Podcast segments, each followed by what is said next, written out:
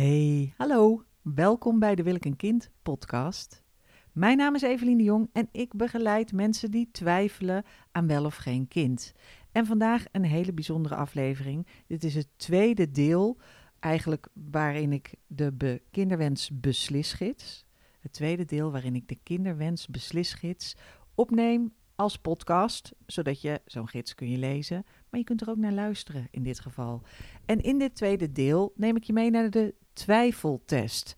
Ik heb er even over getwijfeld of dat ik deze test in een podcastvorm moest schieten, omdat het natuurlijk bij een test handig is om te kunnen lezen en te kunnen schrijven, zodat je ehm, kunt nakijken welke antwoorden je hebt gegeven en hoe je erin staat. Deze test is er met een beetje humor voor gemaakt om te kijken: is dat kinderwensvraagstuk nu echt iets waar ik mee aan de slag moet? Of ben ik, heb ik een gezonde interesse, gezonde nieuwsgierigheid? Hè? En ehm, ik heb de twijfeltest bestaat uit vijf multiple choice vragen en vijf open vragen. En zeker bij die open vragen is het eigenlijk van belang dat je gaat schrijven voor jezelf. Maar even zo goed kun je natuurlijk thuis altijd nog doen. Download je die kinderwensbeslisgids, kun je de vragen nalezen en kun je schrijven. Ik begin met de multiple choice vragen. Wij noemden dat vroeger multiple gok op de HAVO. En dan kon je gewoon gokken en dan kwam er wat uit. Uh, in dit geval uh, kun je aanvinken wat bij jou het meest van toepassing is. Waarbij A betekent gezonde twijfel. Waarbij B betekent, eh, ik ben enigszins een stresskip als het gaat om die kinderwens. En C betekent, ik ben aan het einde van mijn Latijn, schiet mij maar lek. Ik word helemaal tureluurs van dit kinderwensvraagstuk. De eerste vraag is, lig je wel eens wakker van deze vraag? Lig je wel eens wakker van de vraag, moet ik wel of niet een kind proberen te krijgen? Moet ik wel of niet een kind proberen te krijgen? Lig ik wakker van deze vraag? Antwoord A. Ik mag er graag over filosoferen op een zonnig terras. Antwoord B. Ja, één keer per maand. Als het die tijd van de maand is, dan lig ik hier zeker wakker van. Antwoord C. Ik lig op mijn kussen te piekeren, ja. En op mijn werk ben ik aan het piekeren en op verjaardagsfeestjes en in gezelschap. Ik ben hier eigenlijk altijd, altijd over aan het piekeren. Lig je wel eens wakker van deze vraag? Graag over filosoferen. Eigenlijk alleen als ik in die tijd van de maand me heel erg druk maak over de dingen. Of C, ik lig continu. Eigenlijk ben ik hiermee bezig. Vraag 2. Hoe belangrijk is het hierop het juiste antwoord te geven? Is dat iets waar je naar op zoek bent? Dus als je hierover aan het nadenken bent, is er dan een stemmetje in je achterhoofd dat continu zegt: maar zorg ervoor dat je het juiste antwoord geeft. Het is wel heel belangrijk dat je het juiste antwoord hebt. Optie A, moi, nou juist, hè. het zou leuk zijn, maar het loopt zoals het loopt. Optie B, belangrijk, want ik wil later geen spijt krijgen.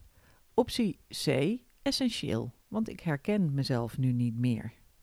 Dus hoe belangrijk is het om het juiste antwoord te geven? Is dat waar je eh, iets wat je herkent van, oh ja, wel of niet een kind? Ik moet het juiste antwoord hebben. Nou, A zou leuk zijn. B, nou dit is belangrijk, want ik wil later geen spijt krijgen. C, het is essentieel dat ik het juiste antwoord geef, want ik herken mezelf niet meer. Ik, ik heb een identiteitscrisis door dat fucking kinderwensvraagstuk. En dan vraag 3. Vraag 3. Ben je bang voor spijt later? En zo ja, hoe groot is dan die angst? Ben je bang voor spijt later als het gaat om wel of niet een kind? Ben je bang dat je later spijt krijgt? En hoe groot is die angst voor spijt? Antwoord A. Nee. Move over Edith Piaf. Je ne regrette rien. Waarom angst voor spijt? Het leven loopt zoals het loopt. Antwoord A. Nee. Ik ben Edith Piaf. Je ne regrette rien. Antwoord B. Soms. Soms word ik overvallen door paniek, maar adem in, adem uit. Adem in, adem uit. Dat adem ik dan weg. Hoe groot is de angst voor spijt later? Nou, antwoord C.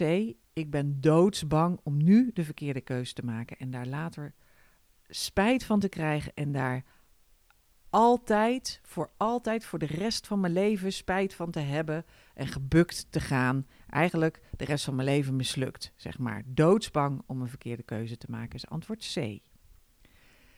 Vraag 4. Stel je zaken uit, omdat je nu nog twijfelt over wel of niet een kind.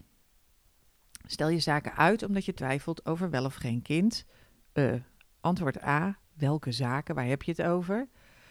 Antwoord B. Nou, ik merk wel dat er hè, spanningen zijn op het relationele vlak. Ik durf niet goed te daten of in de relatie waarin ik zit, we durven niet te gaan samenwonen omdat we hierover twijfelen. Dat is antwoord B. Het brengt wat spanningen met zich mee. Antwoord C. Mijn leven staat in de wachtstand. Zowel in de liefde, zowel op mijn werk, zowel uh, hoe ik nu woon. Toetie. Antwoord C. Ja, alles staat, mijn hele leven staat in de wachtstand. Vraag 5. Ben je sneller geïrriteerd dan normaal door het kinderwensvraagstuk? Merk je dat je emotioneler reageert of ben je sneller geïrriteerd dan normaal door dit vraagstuk? Antwoord A. Nee, mijn motto is: mens erg je niet. Antwoord B. Ja, ik kom tegenwoordig wat scherper uit de hoek. Ik ben labiel, kan ik wel zeggen. Antwoord C. Wat zeg jij? Moet ik je even op je bek rossen? Of was dat de vraag niet? ben je sneller geïrriteerd dan normaal door het kinderwensvraagstuk? Antwoord A. Mens erg je niet. Antwoord B. Ik kom wat scherper uit de hoek en ik heb, sta een beetje kort in de kar. Kort lontje. Antwoord C. Moet ik jou eens even op je bek rossen? Of was dat de vraag niet? Dat waren de multiple choice vragen. Als het de twijfeltest van hoe groot is jouw twijfel over wel of niet een kind. En uh, A is gezonde twijfel. Dan is er eigenlijk niks aan de hand. Dan is het leuk dat je deze podcast luistert of dat je die kinderwensbeslisgids hebt, hebt gedownload. Maar er is, je hoeft hier verder niet nu werk mee te maken. Antwoord B, ben je stresskip. Hè? Dus uh, je hebt het regelmatig, lig je er wakker van. Met enige regel, je, vindt het belangrijk, want je wil later geen spijt krijgen. Je um, wordt soms overvallen door paniek, maar die adem je dan weg het brengt wel wat spanningen met zich mee, maar het is niet heel erg. Dan ben je type B. Je bent wel een stresskip, maar het is nog niet heel verschrikkelijk. Dan zou je kunnen overwegen om hier op een structurele manier werk van te maken. Of antwoord C, einde Latijn. Ik ben helemaal op. Ik lig continu hier wakker van. Het is essentieel dat ik hier een juiste antwoord op geef, want ik herken mezelf niet meer. Ik ben super bang voor spijt later. Ik denk dat mijn leven mislukt zal zijn als ik hier het verkeerde in kies. Uh, en uh, vraag 4. Ik stel mijn hele leven uit. Mijn hele leven staat in de wachtstand omdat ik hierover twijfel. En ik ben super snel geïrriteerd, sneller dan normaal, omdat ik met dit vraagstuk worstel. Dan ben je C aan het einde van je Latijn. En dan moet je contact opnemen. Nee, dan moet je in ieder geval zorgen dat je die kinderwensgids, uh, kinderwensbeslisgids downloadt. En je moet ervoor zorgen dat je op één plek alle informatie gaat verzamelen over dit vraagstuk en wat je ermee kan doen en hoe je aan het juiste antwoord komt. En uh, als je antwoord C is, dan is ook zeker het Kinderwenskompas een interessante optie voor je. Dat is het groepsprogramma waarin ik mensen begeleid naar duidelijkheid. En um, zeker als je, als je merkt dat het zo'n grote, als het zo'n groot onderdeel van je leven is, dan brengt het je zoveel als je hier duidelijkheid in hebt en rust en vrede met je situatie, dat het absoluut uh, interessant is om in ieder geval te onderzoeken. Nou zei ik, er zitten ook nog open vragen aan de twijfeltest. Hier komen de open vragen. Hoezeer twijfel jij aan wel of niet een kind? Mijn advies is: je kunt nu naar deze vragen luisteren en misschien nog een eindje verder wandelen en erover nadenken. Maar neem vooral ook rustig de tijd, 20 minuten, half uurtje, om je antwoorden te formuleren. En zorgvuldig formuleren, daarmee bedoel ik eigenlijk altijd schrijf. Schrijven en het liefst met pen op papier, dus niet typen op een toetsenbord, maar schrijven met een pen op papier, want je hersenen werken anders dan je schrijft. Je komt op een soort dieper niveau op zaken en gedachten waar je anders niet op komt, omdat je jezelf dwingt te vertragen. Schrijven met de hand gaat langzamer, maar daardoor ehm, komt er een vertraging in je denken en kom je op andere dingen dan waar je uh, vluchtig op komt wanneer je alleen maar blijft denken. Alleen maar denken is heel anders dan echt schrijven. Dus dat is mijn advies. Ik snap dat met een podcast op je kop, op je hoofd, sorry. Dat met een podcast op, dat het niet makkelijk is om een pen te pakken. Maar doe dat daarna nog. De vragen, de open vragen. Wat zijn scenario's die je nu maakt over het moederschap of leven zonder kind? Vraag 1. Wat zijn de scenario's die je nu maakt over leven zonder kind of over het moederschap? Dus als je nadenkt over moeder worden of over leven zonder kind, dan maak je een verhaal in je hoofd. Welke verhalen maak jij in je hoofd? Wat zijn de scenario's die je op dit moment maakt over moederschap of leven zonder kind? Dat is de eerste vraag. Zelf ging ik heen en weer onbewust. Ik was aan het dagdromen over de foute barman, hè, die magisch zou transformeren in een potentiële papa. En ik had een doemscenario, dat was dan hè, het, het, uh, uh, het nirvana, uh, het grote, nou, fantastische, ehm, ja, dat was mijn natte droom. Laat ik dat in deze zonnige, vandaag is een hele zonnige dag, dat ik dat, dat was mijn natte droom, was de foute barman die een potentiële papa werd. Maar nog meer maakte ik doemscenario's in mijn hoofd, waarin alles mislukt leek. Dus waar ik, waarin dus bleek, dat de foute barman, die had al een vriendin, dat was ik niet. Nou, was ook realiteit. Dus ik had geen man, geen huis, geen carrière. En die doemscenario's maakte ik ook. Ga eens bij jezelf na. Welke scenario's maak jij op dit moment over het moederschap of over leven zonder kind? Dat is de eerste vraag. De tweede vraag. Als je die scenario's bewust bestudeert, wat gebeurt er dan fysiek met je? als je die verhalen, de scenario's die je nu maakt over leven zonder kind of leven als moeder, als je zo'n scenario heel feitelijk bestudeert, wat voel je dan in je lichaam? Wat gebeurt er dan fysiek met je? En dan uh, gaat het bij mij erover of dat je ergens spanning voelt. Dus bijvoorbeeld in je kaken, of dat je je voorhoofd fronst, of dat je je schouders gespannen zijn, of je handen klemt.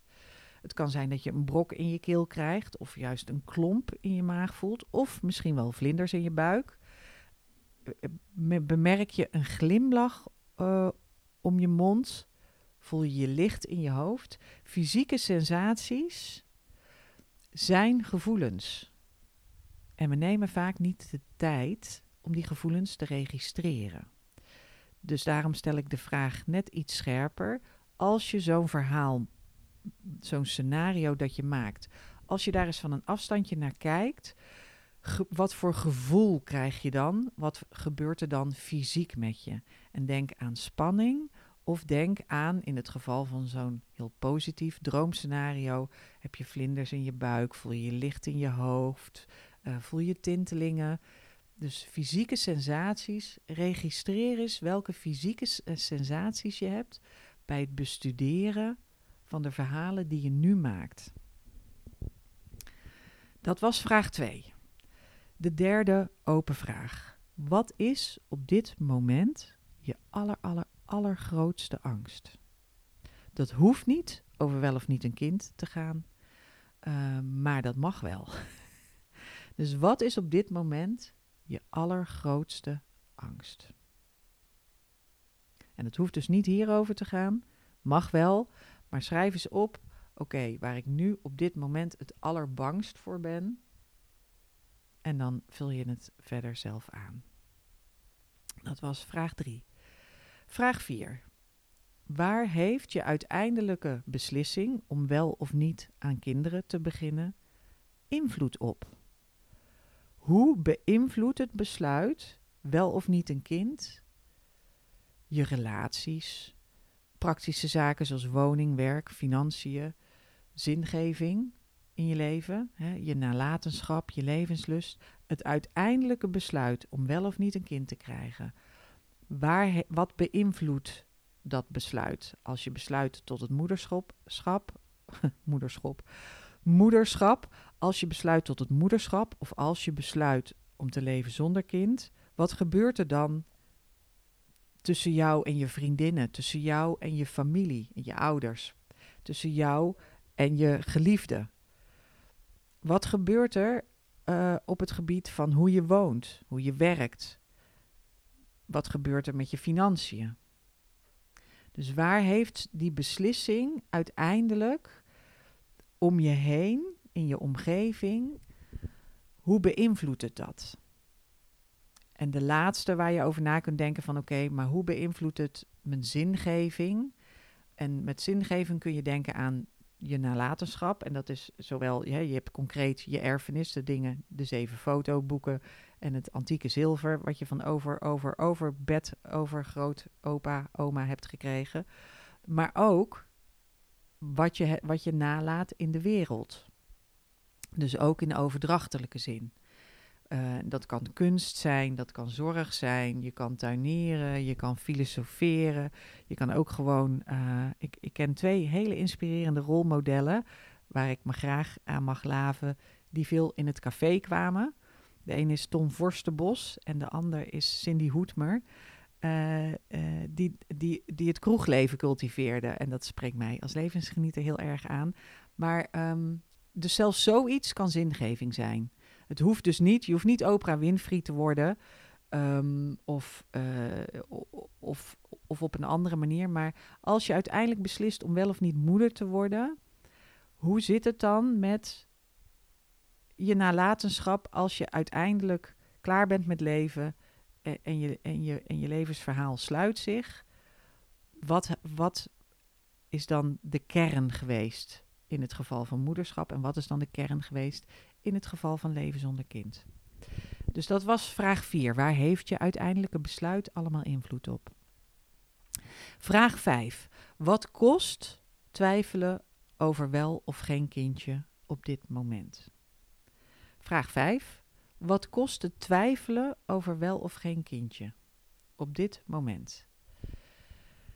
En uh, de kosten, dat kunnen kosten zijn, dus dat hangt ervan af in hoeverre je nou, redelijk relaxed, gezonde twijfel hebt, of een stresskip bent hierover, of echt aan het einde van je Latijn. Je kunt je voorstellen als je aan het einde van je Latijn bent in, uh, en gevangen zit in dit vraagstuk, dan zijn de kosten heel hoog. Als je gewoon gezonde twijfel hebt, dan zijn de kosten veel minder hoog. Dan is het misschien juist wel een interessante, verdiepende vraag waar je je graag mee mag bezighouden.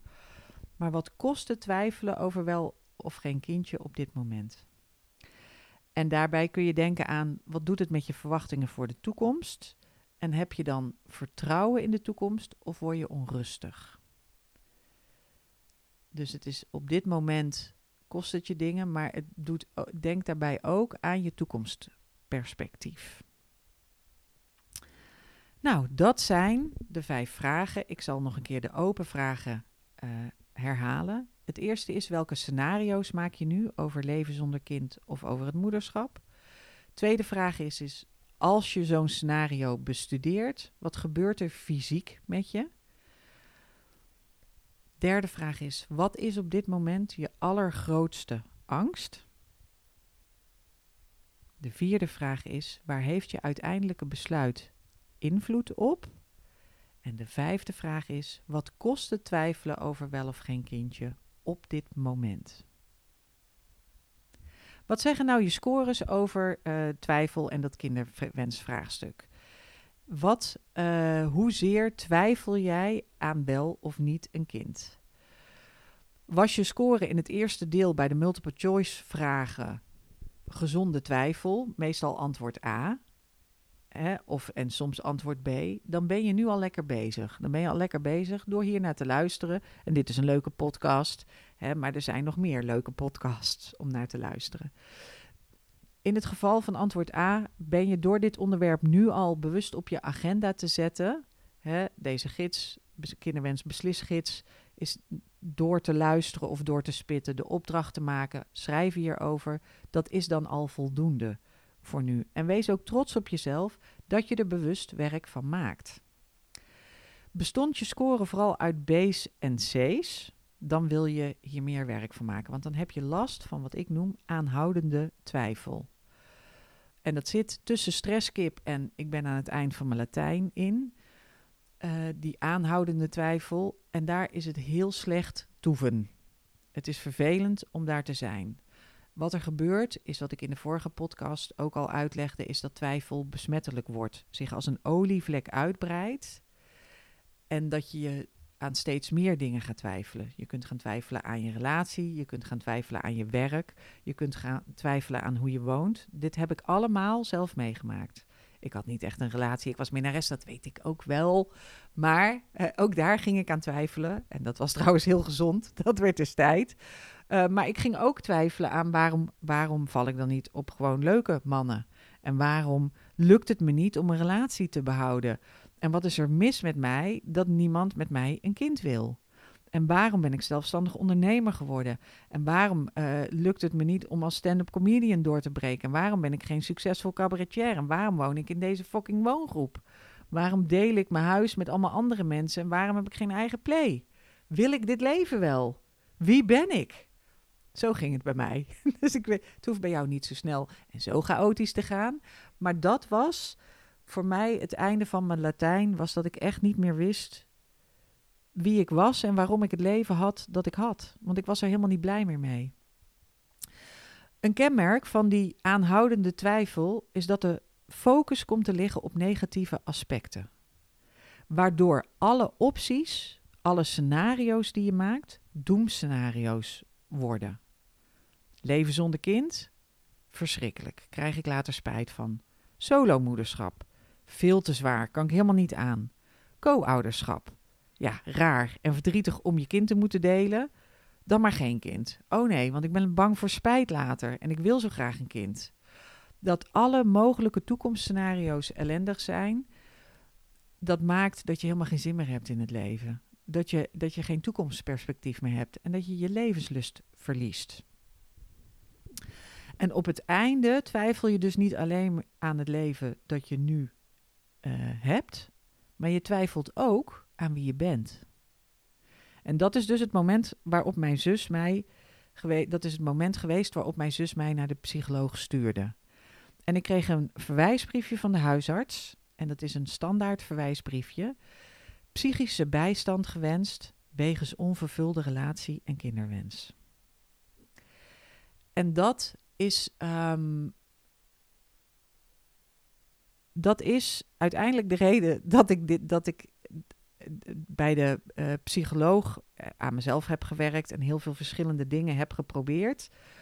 En uiteindelijk, in combinatie met mijn toch al fascinatie voor het romantisch liefdesideaal en uh, voor menselijke relaties en ook voor het moederschap en ook voor een zinvol leven als vrouw. Dat is uiteindelijk de reden geweest dat ik Wil ik een kind ben begonnen. Maar het was voor mij ook een geruststelling of een schrale troost, eigenlijk meer een schrale troost, dat dat dus een standaard verwijsbriefje is. Psychische bijstand gewenst, wegens onvervulde relatie en kinderwens. Nou, nu heb je de twijfeltest gedaan. Dit was deel 2 van uh, de uh, podcast over uh, eigenlijk de, de, de podcast variant van de kinderwens beslisgids.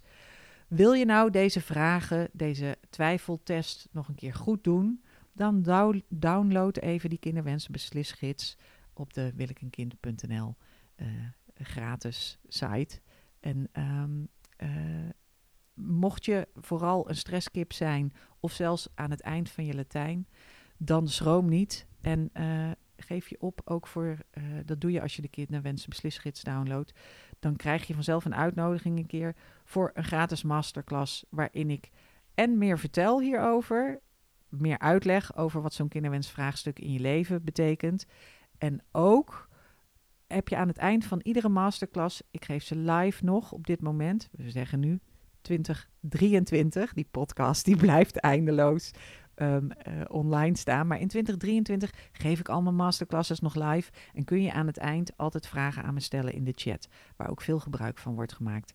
Dus uh, wellicht tot dan. En ik ben benieuwd naar wat je bent. En ik hoop voor jou dat het gezonde twijfel is, maar ook als je een stresskip bent of als je aan het eind van je Latijn uh, bent, vrees niet.